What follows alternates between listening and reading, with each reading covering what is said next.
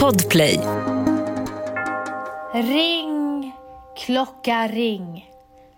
Nu lämnar vi helvetesåret 2020 och går rakt in på 2021. Ut med det fucking gamla och in med det nya. Enda jag har att säga. Precis. Alltså, jag tror ju att vi inte kommer vakna första januari och bara åh gud.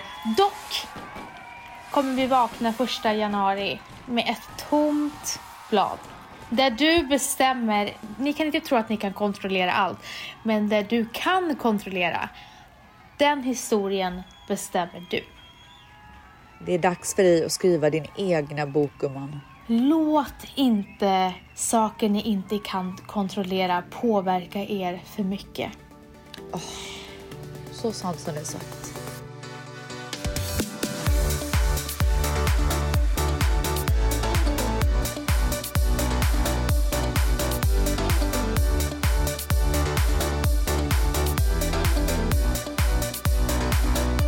Eh, du vet ju mina drömmar, mina sjuka drömmar om att jag har en jävla lägenhet i Stockholm Ja, eller i Borås.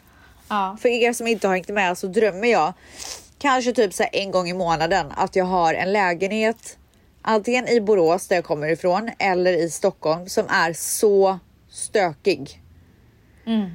Och varenda gång som jag liksom tänker på att jag ska komma in i den eller öppna den så bara "Gud, fan ska jag? Det är så mycket insekter här och eh, jag måste ta hit de som sprayar och jag måste ta hit städare och du vet, det, det kommer liksom sig aldrig till att jag gör det. Mm. Jag hade drömmen igen. Alltså jag hade den där jävla drömmen igen. Och några gånger så har jag drömt att den här lägenheten har inte, är bara ett rum. Den är, det är bara ett sovrum. Det finns liksom ingen kök eller någonting utan det är bara ett sovrum så man behöver liksom ha en till lägenhet bredvid. Och vissa gånger så har jag drömt om att jag har en till lägenhet bredvid. Och att det är så här, ska jag göra av mig med den här lägenheten eller ska jag typ bygga ihop dem eller vad ska jag göra? Gud, jag var tvungen att bara ta en klunk av champagne, gumman. Ja, gumman, jag ska också ta en eh, stor klunk av min champagne. Jag bara kände hur olystigt det var din historia så jag var tvungen att smaka på min Dompa. Ja, jag förstår det gumman. Rikt ska det vara. I alla fall. Eh, nej, men så jag hade drömmen igen. Ja men, Ja, okej. nej, men du- alltså, ja. ja, jag ska berätta. ja. Kan jag få göra det lite spännande? Okej, förlåt. Ja. Du, sätt, eh, sätt på en eh, passande Typ musik du, du, här du, du, sånt du, du, du, du, du. Nej, Nej. nej. bättre än så. Men eh, jag tycker du är så bra berättare, så gå in i din inlevelse. Jaha, men jag är typ snart klar. Jaha. Nej men okej, Okej. jag kommer in i lägenheten. Det ligger en säng där och bruna lakan. Vad Och jag är, jag är lite så här, fan, det är lite äckligt. Men det är liksom inte stökigt eller någonting. Så jag bara, okej, men det kanske är lugnt. Jag har inte varit här på ett år, men det kanske ändå är lugnt att lägga sig och sova för jag var så jävla trött. Så jag bestämmer mig för att lägga mig och sova i min lilla lägenhet. Alltså den här är ju mitt på Stureplan dessutom. Så det är ingen, det är ingen olyssig lägenhet. Det är bara att den är liten och, och att jag har bruna lakan. Jätteäckligt. Ja. Vaknar på morgonen av att jag kollar upp på garderoben. Vet du vad det sitter där? En äcklig katt. En motherfucking rottis. Åh fy fan! En stor jävla råtta. Nej! Jo, Varför är, ditt, varför är ditt Stockholmsliv så sjaskigt? vet du vad jag tror att det är? Jag tror att det är för att det är så många som varit rottisar mot mig den senaste tiden.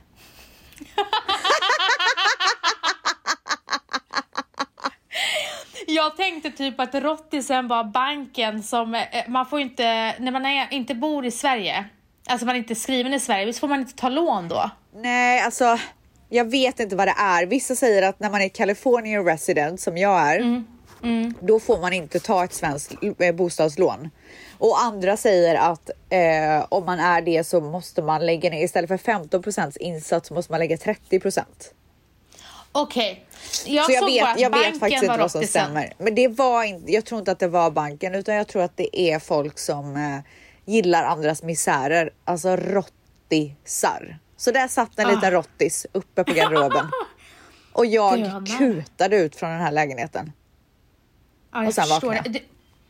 Det är nästan som att Rottisen vill att du ska ut från lägenheten. Ut från Stockholm. De vill inte se mig i Ut Stockholm. från Sverige. Ut från Sverige. Oh my god. Okej, men då kan jag lyckligt eh, meddela alla att jag eh, inte bor i Sverige. Men det är så jävla sjukt. Jag har inte haft den här eh, lägenhetsdrömmen på så länge. Nej, och det var ju ingen trevlig. Den, den där var ju inte trevlig. Alltså råttor är mitt värsta. Råttor och kackerlackor är typ det som jag tycker är vidrigast. Känner du att 2020 har varit råttornas år? Det har varit det värsta i mannaminne. Mamma min! Alltså, eh, vi ska ju gå in på det här. Det här, kära tvättisar, välkommen till nyårsavsnittet med Ställs och Vans. Och vet ni? Nu börjar livet.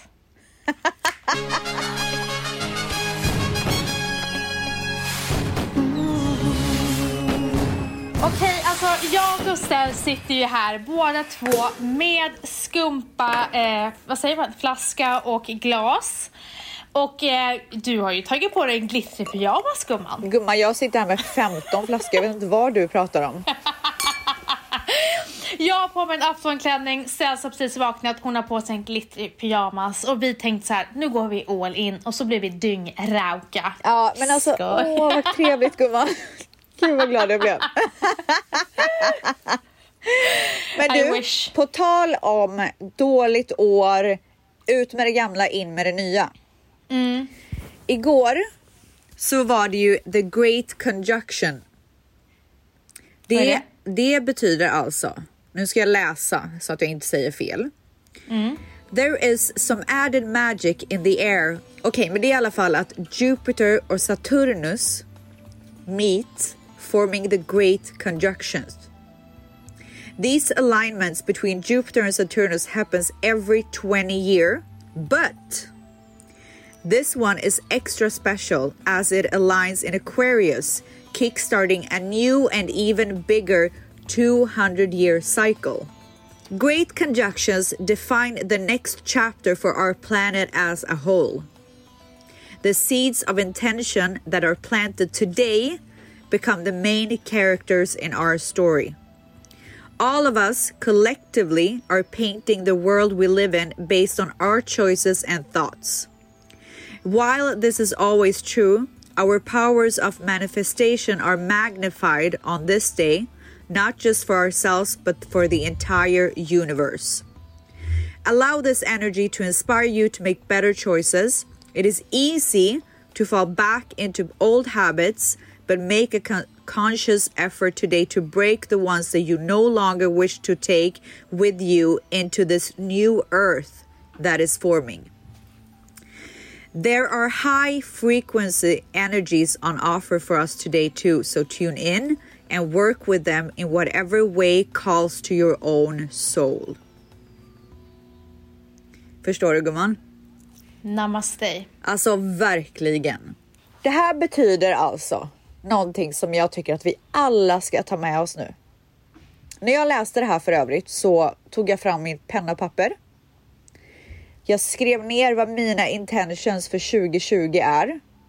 21. Oh, absolut inte 2020. Fy fan. alltså, fy fan. Eh, och sen så tog jag alla mina kristaller och gick ut och ställde dem så att månen fick göra sitt och rena mina kristaller. Och det här betyder alltså att de, intentionerna som vi sätter för 2021. Vi måste manifestera det. Vi måste komma in i rätt headspace för att göra tillsammans göra 2021 till ett så mycket bättre år än det här skitåret som vi lämnar bakom oss. Men du, eh, då är det många som inte vet vad manifestera betyder in, eh, alltså, Alltså, Alltså, alltså man i sätter, praktiken. Man sätter intentioner, man, det man tänker får man, det man tänker drar man till sig. Så man måste, om man nu har ett negativt tänk så måste man komma in i ett positivt tänk. Att manifestera är till exempel att säga att jag, man tänker att man redan har någonting som man vill ha. Till exempel eh, ja, alltså att man vill ha ett positivt tänk eller man vill att det ska gå bra på ett visst sätt eh, man ska bli lycklig. Man måste tänka att man redan är lycklig. Man måste sätta de intentionerna. Vad, men framförallt så måste man nog komma underfund med vad, vad man själv vill. Men man skulle kunna säga alltså love attraction, det är ju att manifestera. Det är exakt vad det är. Ja, eh, till exempel om jag, jag kan säga så här, jag tror verkligen på love attraction för att mycket som jag har satt, satt som en litet frö i universum, till exempel redan i New York eh, innan jag blev klar med min skola, så var det väldigt många som sa till mig i min närhet, Vanessa, du borde verkligen bli en agent. Och det var bara för att jag alltid så här, hjälpte mina modeller, som, alltså bara som en kompis, när de blev utnyttjade och så. Och jag sådde ett frö universum att jag vill jobba med sociala medier och, med, och som agent. Och det blev ju till verklighet och det blev en total jäkla succé. Uh. Det är ett exempel. Eh, så att sätt era att intentions och de kommer attract to you. Exakt. Och några tips på hur man gör det. Jag har kommit in på en sida som heter klokegard.se och där står det så här metoder för att manifestera snabbare med attraktionslagen. Precis det som du pratar om, Vens. Och nummer ett är ta papper och penna och skriv ner det du önskar. Det var alltså det här jag gjorde igår. Släpp din önskan. I det här steget så river en del sitt papper i småbitar, en del eldar upp pappret och en del knölar ihop pappret och kastar det. Gör det som känns bäst för dig. Jag har lagt det under min madrass i sängen. Så man gör det man själv tycker är bra. Och sen så står det ta nu ett nytt papper och skriv din lista igen. Men den här gången skriver du det som att du redan har det du önskar. Mm. Förstår du? Det var ju det jag sa, att man liksom mm. man ska manifestera det som att man redan har det. Och sen så för att verkligen liksom göra det verklighet för sig själv utifrån en skala från 1 till 10 ska du nu känna efter var du är just nu i förhållande till dina önskningar. Och sen så står det nummer 5. Avsluta din lista med några ord av uppskattning och tacksamhet. Känslan av uppskattning är en väldigt viktig nyckel till att attrahera mer av det du önskar. Så det, där handlar det om det positiva tänket som jag pratade om. Mm. Och sen så är det ju viktigt att upprepa. Och här på den här listan så står det läs igenom din lista två gånger om dagen under de kommande tre veckorna. Oj! Ja, det är också. Eh, det är ju därför många gör så här vision boards och mm. hänger på väggen för att man hela tiden ska se det. Och sen så nummer sju. När du läser igenom listan så är det också väldigt effektivt om du samtidigt visualiserar din önskan och känner av känslan av hur det är att ha det du önskar. Visualisera och känn det som att du redan har din önskan för då sänder du ut vibrationen av det du önskar. Mm. Nummer åtta. Släpp taget om det önskade resultatet och var istället öppen för nya möjligheter. Nummer nio. Redan efter cirka två veckor av att visualisera, läsa din lista och känna listan så kommer du märka att det har skett en förändring i ditt fokus och i din medvetenhet om dina önskningar. Och där handlar det ju hela tiden om att man liksom har, man är inne i ett positivt, vad ska man säga, ett positivt space och sen så nummer 10. Nu har det gått tre veckor och det är dags att ta fram din lista för att se var du befinner dig i förhållande till dina önskningar. Så det kan alltså gå så fort som bara tre veckor om man bara ändrar sitt mindset. Mm. Och eh, vill man läsa mer om attraktionslagen så är det bara att googla attraktionslagen eller the secret eller vad man nu vill. Och vad man nu känner sig bekväm med. Problemet är ofta att många tror att saker och ting ska komma till en utan att man jobbar för det. Eh, och eh, att, eh, som jag alltid har sagt och säger igen, att man jämför någon annans resultat med sin egen resa. Eh, liksom, det är det absolut farligaste man kan göra, men då hamnar, man ju i, då hamnar man ju i det negativa mindsetet. Mm. Då har man ju direkt gått från att se det från det positivt och göra det som är bra för en själv. Att, att visualisera någon annans resa kommer aldrig hjälpa dig. Nej precis och sen så till exempel kan det vara så någon gång när jag har skrivit för att peppa så är det alltid någon som skriver så ja ah, men det är lätt för dig att säga som har allt. Ja fast jag har inte alltid haft allt. Och så sen så hela tiden så kommer med ursäkter till varför inte den personen kommer nå sitt mål. Men med den inställningen så kommer inte den personen Nej. nå sitt mål. Jag Nej, menar, precis. vem trodde någonsin att, eh, man skulle, eller att jag skulle vara där jag är idag? Och det är för att jag på riktigt har använt mig av Love Attraction Ja. så mycket Ja. sen eh, sex år tillbaka. Ja. Och det gäller, ju, det gäller ju verkligen att jobba hårt, tro på sig själv och ha ett positivt mindset. Jag tror att det är de tre viktigaste benen som man måste ha med sig. Och det är så jävla lätt att sitta och säga. Jag har haft ett så negativt mindset 2020. Jag har verkligen så här gått hundra steg tillbaka i min utveckling och vart jag var på väg någonstans. Men det är för att det har varit jävligt jobbigt liksom. Det har varit. Det är svårt att ha ett positivt mindset också när man vet hur många det är som eh, som verkligen har drabbats av det här. Jag har varit i ett väldigt negativt space och inte bara på grund av mig själv utan på grund av att se liksom hur folk både i min omgivning och folk som jag inte känner överhuvudtaget har verkligen så här suffered från det här året. Mm. Men nu vill jag verkligen vända det här. Jag vill verkligen eh, ha ett positivt. Jag vill ha en positiv aura. Jag vill ha, jag vill ha positiv energi. Jag vill att jag vill verkligen så här. Jag vill verkligen vända det här nu. Jag vill att 2021 ska bli ett spännande, roligt, händelserikt och bra jävla år. Så i praktiken, förutom att du kommer manifestera det, vad kommer du mer att göra? Alltså jag kommer jobba på att eh, verkligen komma tillbaka till mig själv. Och det, eh, det blev ju en extrem setback för mig här för några veckor sedan. Eh, jag har mått skit, men jag är verkligen på väg tillbaka känner jag. Och jag tycker att den här julledigheten verkligen kan få eh, man kan få en chans att recharga och verkligen försöka komma tillbaka till sig själv. Man hinner liksom tänka om lite. Jag tror att det är väldigt viktigt att sätta sig ner och tänka. Inte bara Men köra på. du, du känner att hela den här, förutom det som hände för några veckor sedan, men, eh, men även tycker du hela den här karantän, coronagrejen också har gjort att du har tappat dig själv? Eller vad, mer, vad mer har gjort att du känner att för du har ju inte varit ställs det här året. Nej, eh, och ja, det har- kanske ni, ni som lyssnar kanske inte har märkt det lika tydligt som, ja, men, som jag har gjort. Men du har ju verkligen inte varit ja, men, glada, glada ställs eller positiva ställs. Nej, jag har, men det, jag har, så det är inte så jävla lätt när man är i, i Sverige så har ju ni ändå kunnat röra er. Ni har ju haft det öppet. Vi har varit extremt limiterade. Sen så har det gått upp och ner så att om ni har sett att jag liksom har gått ut och gjort någonting, då är det för att restriktionerna har öppnats lite just då. USA har ju varit så jäkla mycket upp och ner. Mm. Jag tror att vi hade nog kanske bara behövt så här stänga i allting i en månad och att man inte fick lämna huset till exempel.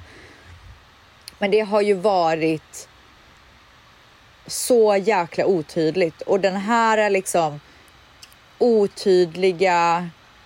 Det har liksom rubbat allting hos så många, inklusive mig. Vi, vi, man vet varken ut eller in. Vad ska man göra? Hur ska man bete sig? Vad är okej? Vad är inte okej?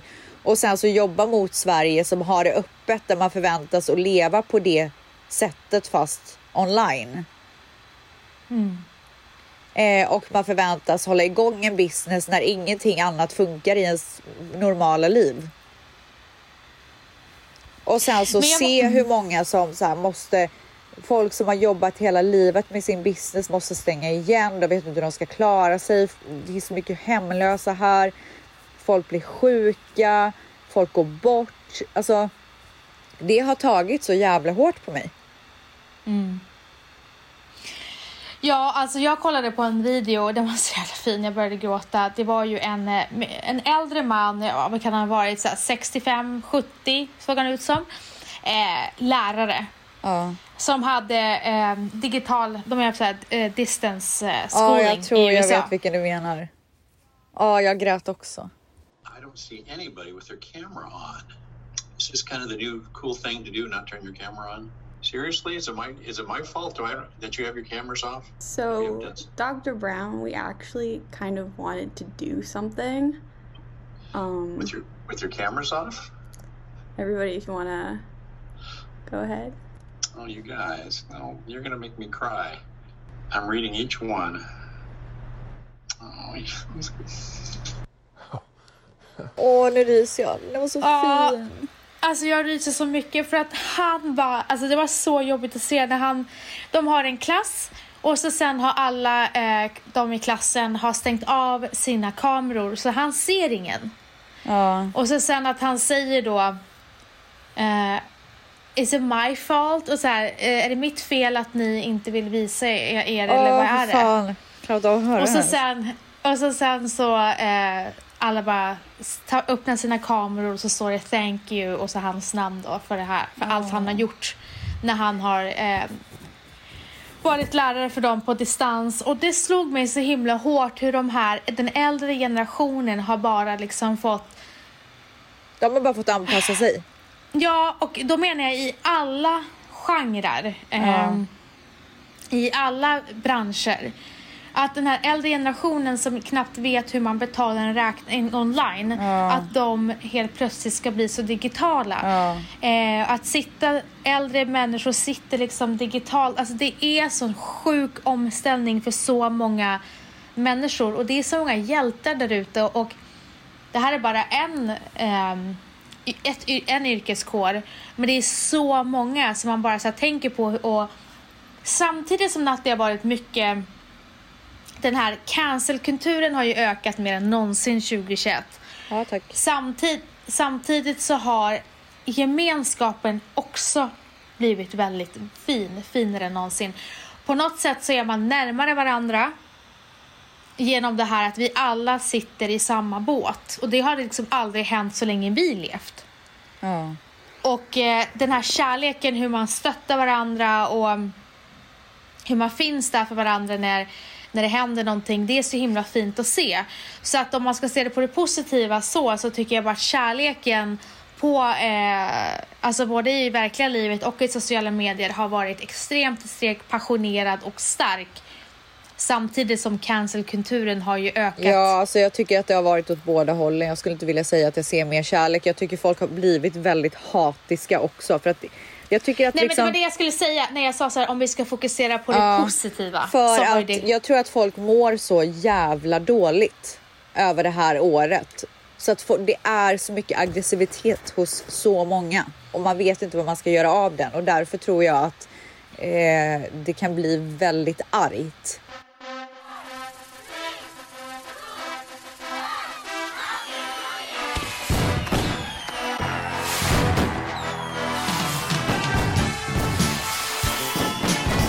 Men för att gå tillbaka till, eh, till det du sa om att du inte tycker att jag har varit så glad det här året så måste jag också se, så här, förklara hur det har varit för oss. I, jag kommer inte ihåg om det var slutet på februari eller början på mars där de gick ut med att det skulle vara lockdown.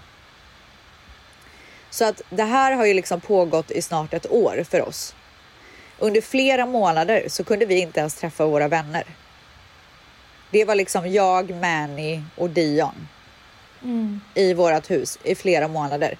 Sen så blev det lite öppet och vi fick gå och träffa några och sen så stängdes det igen och bla bla bla. Eh, vi har ju till exempel inte träffat Mannys föräldrar sedan i februari. De är alltid här under alla högtider och allting. Alltså det har varit så ensamt på något sätt liksom.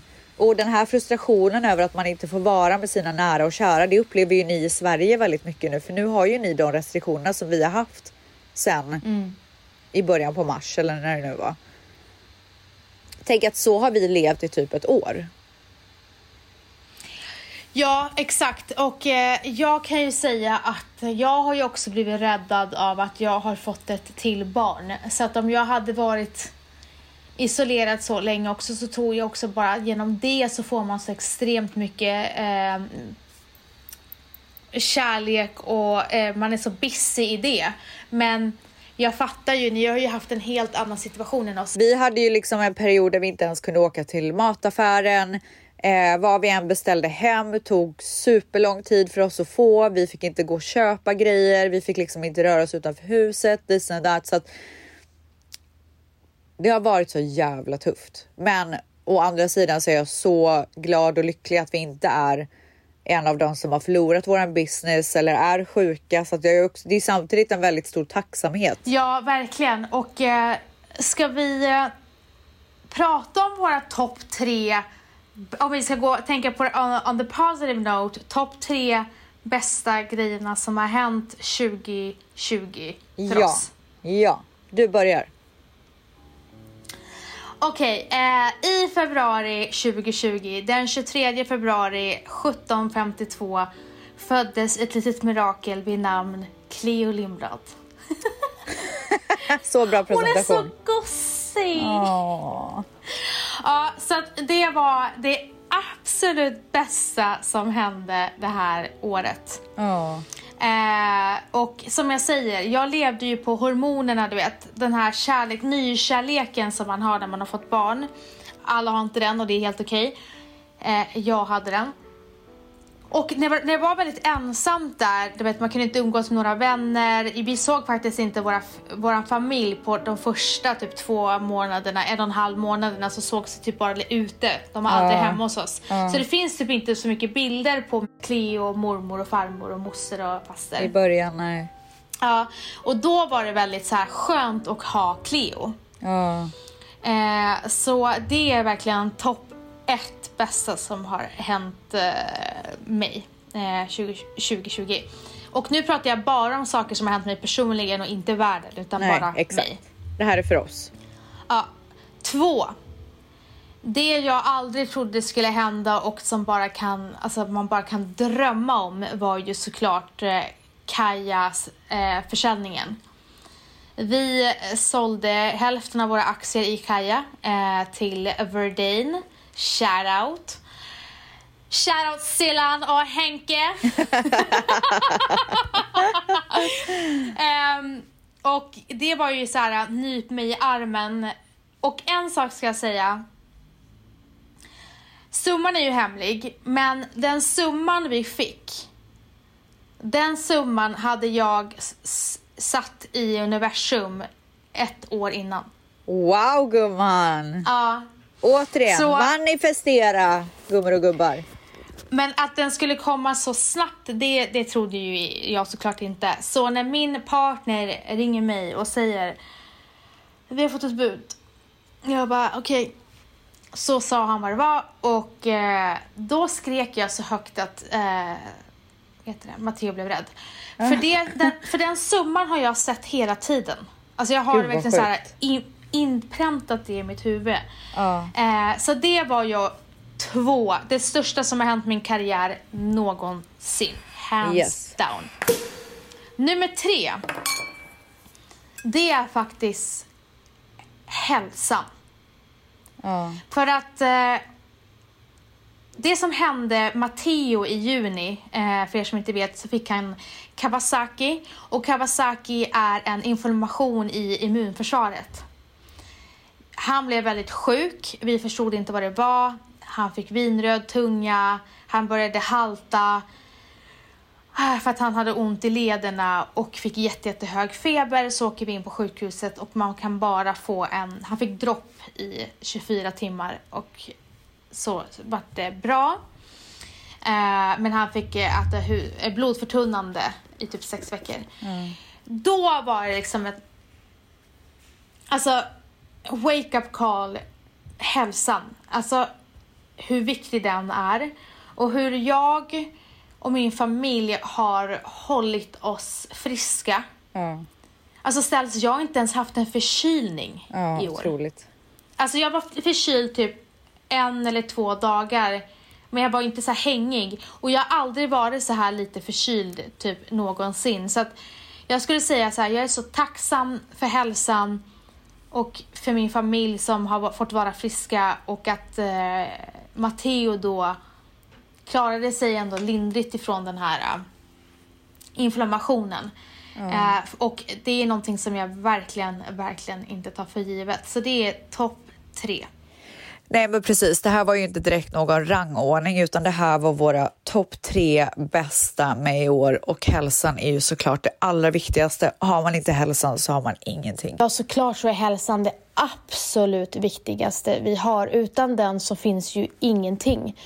Och eh, jag är extra tacksam i år att eh, vi har fått vara vid god hälsa och har fått må bra både psykiskt och fysiskt. Och man har väl insett mer än någonsin hur viktigt hälsan är i år. Grymt gumman, det låter ju som ett jävla år. Ja, det var det jag ville avsluta med. Så att personligen så har jag ju haft allt annat än ett skitår. Ja. Eh, men, eh, och jag älskar ju att vara i Sverige, jag älskar Sverige, svenska sommaren. Så jag har ju inte lidit speciellt mycket att man inte får resa. Eh, men kollar man på världen så har det varit ett totalt fruktansvärt år. Eh, så det är två helt olika saker. Men jag har ju absolut inte haft en värst, mitt värsta år personligen. Nej.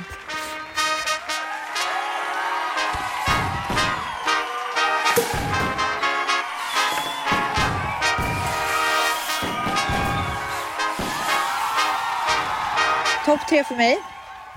Mm. Om man ska vända den här karantängrejen till något positivt då.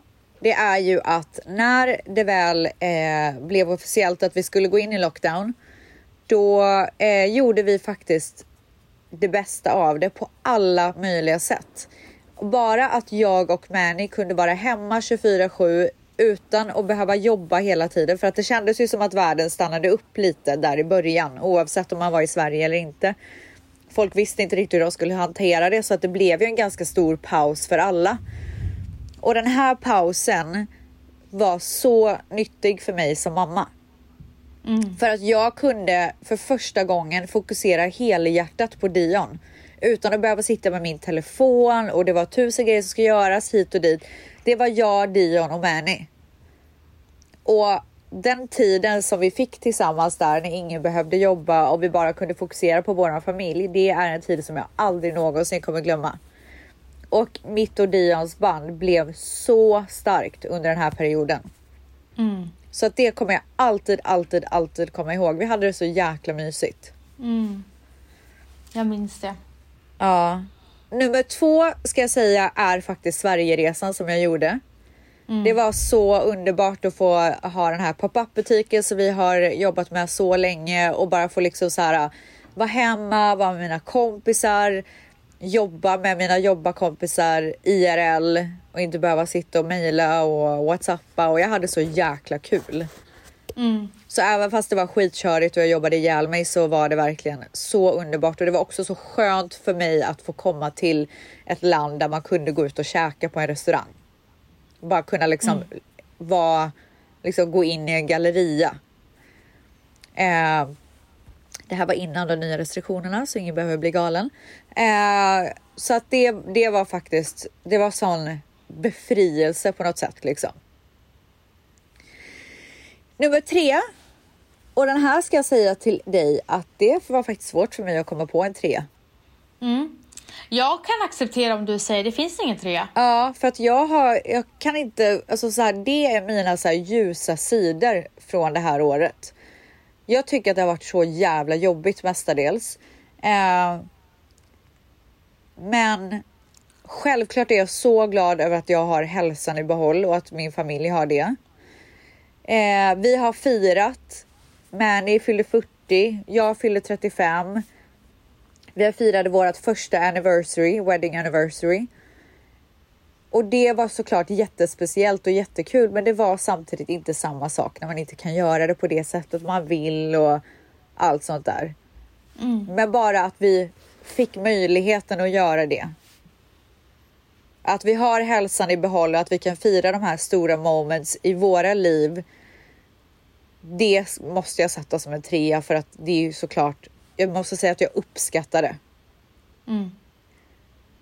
Jag uppskattar att, att vi har kommit så långt att vi kan göra det och att vi inte är sjuka eller har förlorat våra jobb eller vad det nu kan vara. Tänk dig 2019, då var det så himla enkelt för dig att komma på tre saker. Livepodden, Bachelorette-resan, bröllopet. Ja, Alltså, det var verkligen så här. ja, Det, det är skillnad.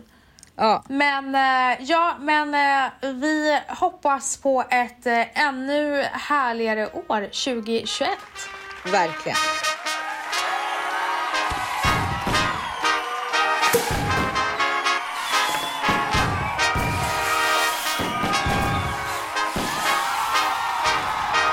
Du gumman, vi ställde ju frågan till våra kära tvättisar om de hade galna urspårade minnen från nyårsafton. eh, som de kunde dela med sig av. Vad jag kom fram till är att vi har ju rätt städade tvättisar. Eller för att vara ärlig så vet jag inte ens vad jag hade förväntat mig. Det man kan säga när vi fick alla våra eh, tvättisars historier på nyårsafton det är att folk dricker ju alldeles för mycket. Ja, alltså jag blir typ rädd av att läsa alla de här fylleslagen. Alltså folk är så fulla och, och tappar kontrollen. Ja. Men det var ju inte så många som hade spårat ur, alltså om man släpper det här alkohol, det är inte det vi menar med utspårning utan vi menar så här roliga händelser. På det sättet så är ju våra tvättisar rätt städade. Ja, de tar efter dig gumman. Ja, det känns som att det är ett gäng Vanessor som ja. firar nyår. Ja, ja, ja, ja. Men det är också väldigt mycket folk som så här har skadat sig på fyllan och sånt. Så att jag vill bara säga, var försiktiga nu på nyårsafton. Ni behöver inte dricka er redlösa. Drick Nej, några glas och ha kul liksom. Nej men det känns verkligen som att ni dricker för mycket. Ni alla slutar ju upp med spy. Ja. får väl ni lugna ner Men vi, ja, vi frågade i alla fall efter galna nyårsminnen. Så vi tänkte mm. läsa upp några som ett litet avslut på det här året. Jag börjar då. Kör gumman. Barnförbjudet. Så alla barn, stäng av. Sjukaste nyårshistorien. Får vi se om hon levererar den här gumman. Ja. Vi hade fest i vårt hus och jag gick och la mig för att jag mådde dåligt. Efter en stund blev jag väckt av en kompis som säger, vi hittar på namnet, Sofia okay. har sex i soffan där nere. Jag tänkte att detta var ett skämt då vi hade öppen planlösning och soffan var bokstavligt talat där festen var. Jag gick ner och jo, det stämde. Där ligger två bekanta spritt språngande nakna och har sex och stönar för fulla muggar. Men gud! mitt bland alla gäster. Medan tjejens kompis står och väntar bredvid och säger att hon vill gå hem, då ropar tjejen tillbaka. Jag förtjänar detta, jag har inte knullat på ett halvår. Och så kastade hon trosorna på henne. What? Det är det sjukaste alltså, jag har hört. Tycker du det gumman? Okej, okay, kanske inte det sjukaste, men det var sjukt. Ja, alltså jag har varit med om sjuka saker på nyårsafton. Oj, oj, oj gumman. Ska du också gumman. berätta en liten story nu kanske? Nej, men jag var ju, jag bodde ju med ett gäng dårar på en, en, en nyårsafton när vi hade, var bortresta. Och eh, jag eh, åkte inte hem den natten för att jag hörde att det var värsta sex... Eh, vad heter det? Orgen. Gruppsex hemma hos ja, oss. Fy! Gud vad de hade kul. Nu ska jag läsa en, den är lite längre. Jag går andra året på universitetet i England. Min dåvarande pojkvän kommer att hälsa på mig från Sverige.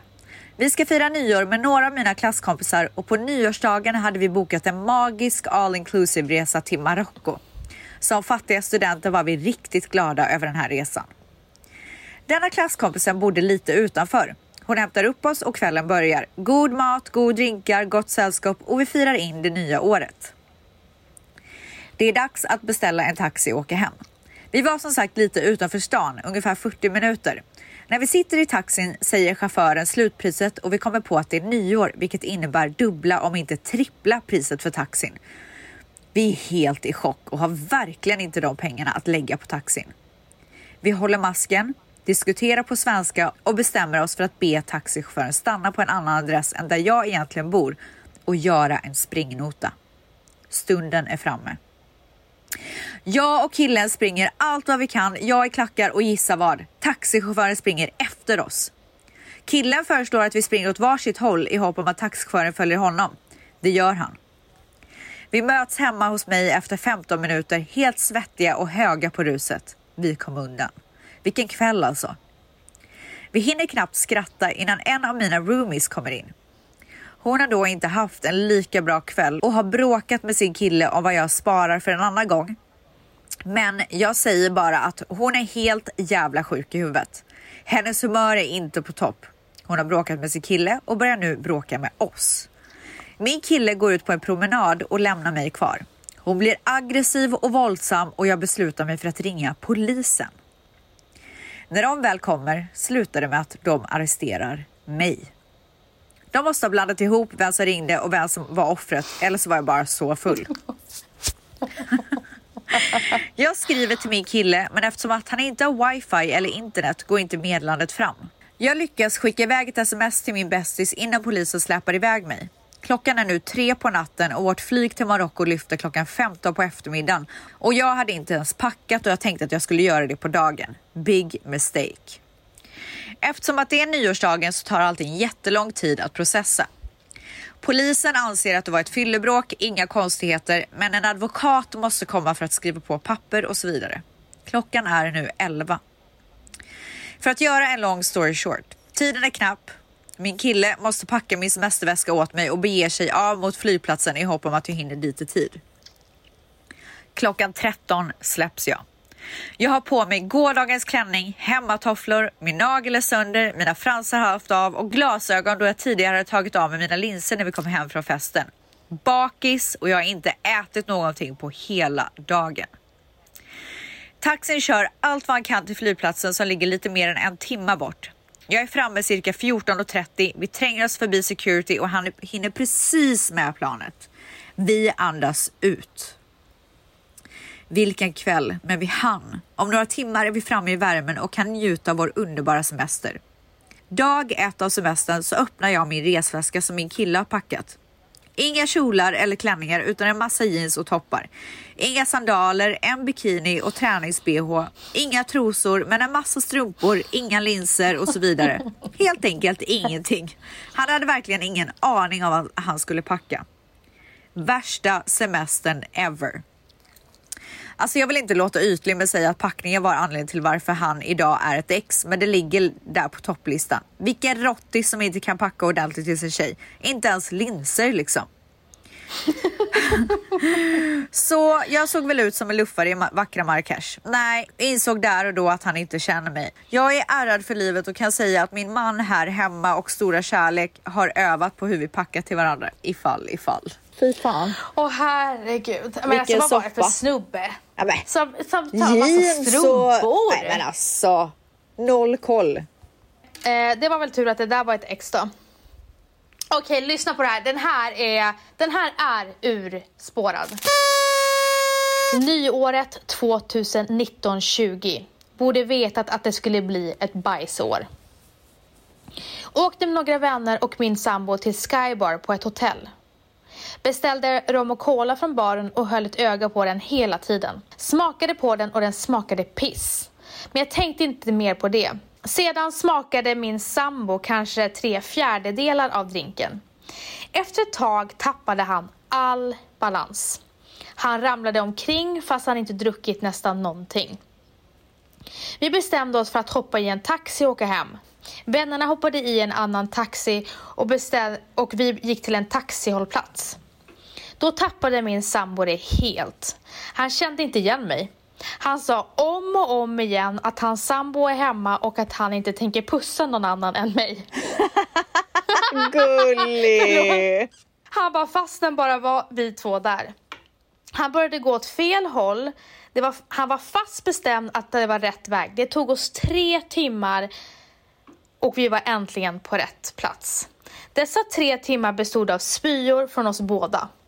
Min sambo hallucinerade och försökte hoppa ner från en bro i havet 15 meter högt. Nej men fy fan. Väl i taxin sade jag vår adress åt chauffören men min sambo tyckte att vi inte skulle åka hem. Natten hade ju bara börjat. Värt att nämna, klockan var fem på morgonen. Åh oh, herregud. alltså förlåt. Oh, herregud. förlåt. Alltså, alltså, när jag läste det här, det här är så himla hemskt men samtidigt. Oh, fan. Ja, det här är fruktansvärt. Ja. Taxin körde oss hem och då började nästa del av hallucinationerna. Min sambo vägrade lägga sig i sängen när vi väl kommit in och duschat av oss. Inte skulle väl han lägga sig i sängen med någon annan tjej? han tror fortfarande att det inte är hon. Han kände in, ännu inte igen mig och trodde alltså att jag var någon annan. Kring sju på morgonen slocknade han äntligen efter flera timmar av svarta spyor. Åh, oh, fan. Åkte till jouren när han vaknade och hade själv inte sovit under natten och fick reda på att drinken var roofied. Ah! Alltså hade han fått ro Rohypnol i sin drink. Åh oh, herregud. Borde ha fattat att det var någonting med drinken då den smakade piss. Stackars sambon min. Han kommer inte ihåg någonting från nyåret från klockan 23 och framåt. Åh oh, fy fan vilken mardrömsnyår. Glad att jag inte var ensam och att vi inte drack mer av drinken. Annars skulle det ha kunnat slutat väldigt illa för oss båda och att vi båda hade hallucinerat. Aldrig att fira, fira nyår ute igen. Oj jäklar alltså. Alltså jag ryser så himla mycket. Jag har ju blivit drogad en gång i Stockholm. Ja. Och jag har ju inte heller något minne. Eh, det enda jag minns är att vi tar en skål och sen är det svart. Och jag hade ju bara druckit en drink. Ja. Och eh, min vän berättade för mig dagen efter att, att jag inte kunde stå upp. Så Och sjukt. jag vaknade på morgonen av att jag hade dragit ner, hade dragit ner typ hela lägenheten för jag hade försökt komma upp till sängen. Åh herregud vad hemskt. Alltså det är så jävla hemskt. Ja, håll hårt i era drinkar. Ja, alltså håll hårt i era drinkar. Det är så viktigt. Året är 2012, snart 2013. Jag är 19 år och jag åker med min familj och firar nyår i Stockholm. Vi äter middag hos min farbror med släkten och efter middagen ska jag ta pendeln till en kompis som har fest. Mina föräldrar skickar med mig en flaska skumpa och jag börjar gå mot pendelstationen. Kvällen börjar med att jag möter polisen på stationen som frågar vad jag har i handväskan. Jag försöker se oskyldig ut och säger eh, ett par klackskor. De kollar i väskan och tar bubbelflaskan samt ger mig böter. Va? Får man inte gå runt med sprit? Inte, man får inte dricka offentligt, men det vet jag inte. På offentliga platser där, man inte finns där det inte finns Ja, och alkohol kanske gick och drack typ. Ja. Under tiden jag har pratat med polisen har den sista pendeln gått och jag måste ta bussen som tar en timme längre än pendeln. Suck. Kvällen börjar alltså så dåligt. När jag väl kommer fram med bussen till min kompis station så ringer jag henne och ber om hennes adress så att jag hittar till huset. Hon svarar då att allt planerna har ändrats och alla nu är på väg till en annan fest på samma gata som min farbror. Jag har nu blivit tagen av polisen och åkt buss i en och en halv timme i onödan.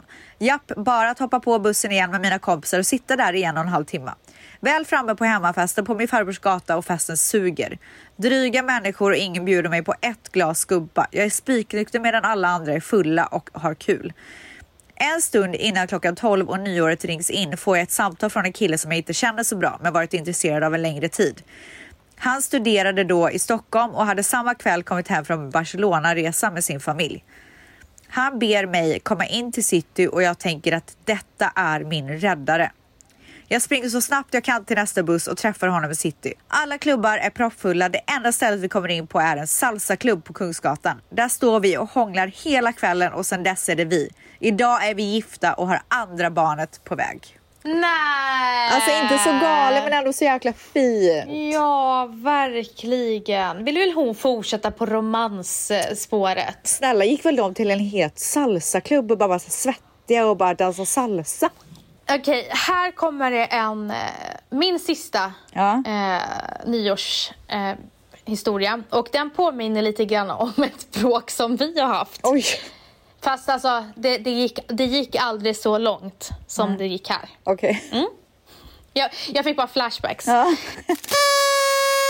Jag och min bästa kompis hade hyrt en lokal. Alla var söndertaggade för den här festen. Hade köpt dekorationer, snacks, dricka, allt. Gästerna började rulla in och av någon konstig anledning började, började årets bråk mellan mig och min bästis så det slutade med att vi slogs, brottades och rumlade omkring på golvet. Tolvslaget spenderades lipandes någonstans. Låg stora hårtussar på golvet Nej, dagen efter. När vi... gud! Men vänta! Låg stora hårtussar på golvet dagen efter när vi skulle dit och städa. Dessutom gick några snorungar in efter bråket när vi inte var där och snodde våra telefoner. Det var på den tiden när man inte hade sin telefon överallt. Som tur var hade några sett vilka det var så vi gick till föräldrarna och ungarna fick skämmas ögonen ur sig. Vi blev vänner efter en sekund dagen efter och allting slutade med ett stort asgarv. Och mindre hår. Slutet gott, allting gott. Gott nytt år på er finaste, vackraste ni. Nej, men, vi har ju tagit upp min... Ni, många frågar så här, vad är ert största bråk? Men alltså, man, vi har aldrig haft ett största bråk, men vi har haft ett fyllebråk. Ja. och i det var i Miami. Miami. Det är typ vårt Alltså, enda bråk. ja, men alltså, det var, det var så, alltså, jag och Stels var inte i bra plats i livet. Nej. Du var inte alls på plats i livet och jag var inte heller det. Jag vet inte vad som hände men Ställs blev så arg på mig. Hon tar upp min Louboutin-sko, eh, klackisar som är så här sex- 16 centimeters Alltså det var ju på den tiden då man hade väldigt höga klackar. Och hon skulle liksom slå mig med den. Ja. Och sen, vem var det som stoppade dig? Var inte det Saras pojkvän typ? Just det, det var en, min, våran kompis eh, pojkvän. Men sen, och då började jag ju eh, lipa för jag var ju så ja, Ja. vulnerable. Och sen så kramade vi varandra. Alltså det var typ så Det blev alltså ingen klackattack. Men det där skulle liksom aldrig ske idag. Nej, men vi var ju unga. Var vi det gumman? Ja, det var vi. Nej, vi var bara lost i livet typ. Det också.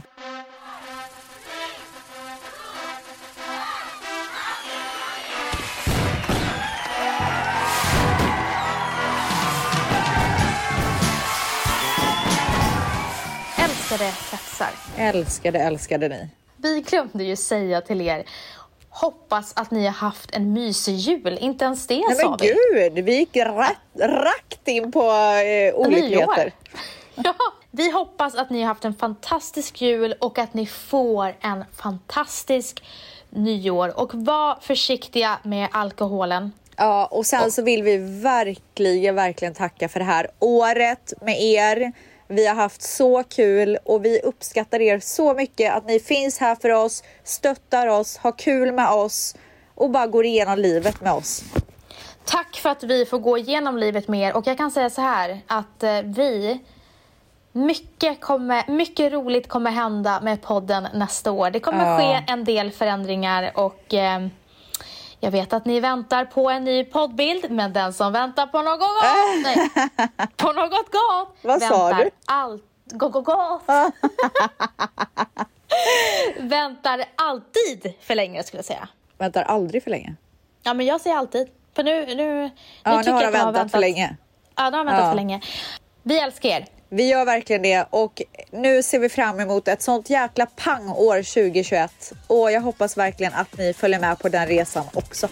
Gott nytt år! Gott nytt år!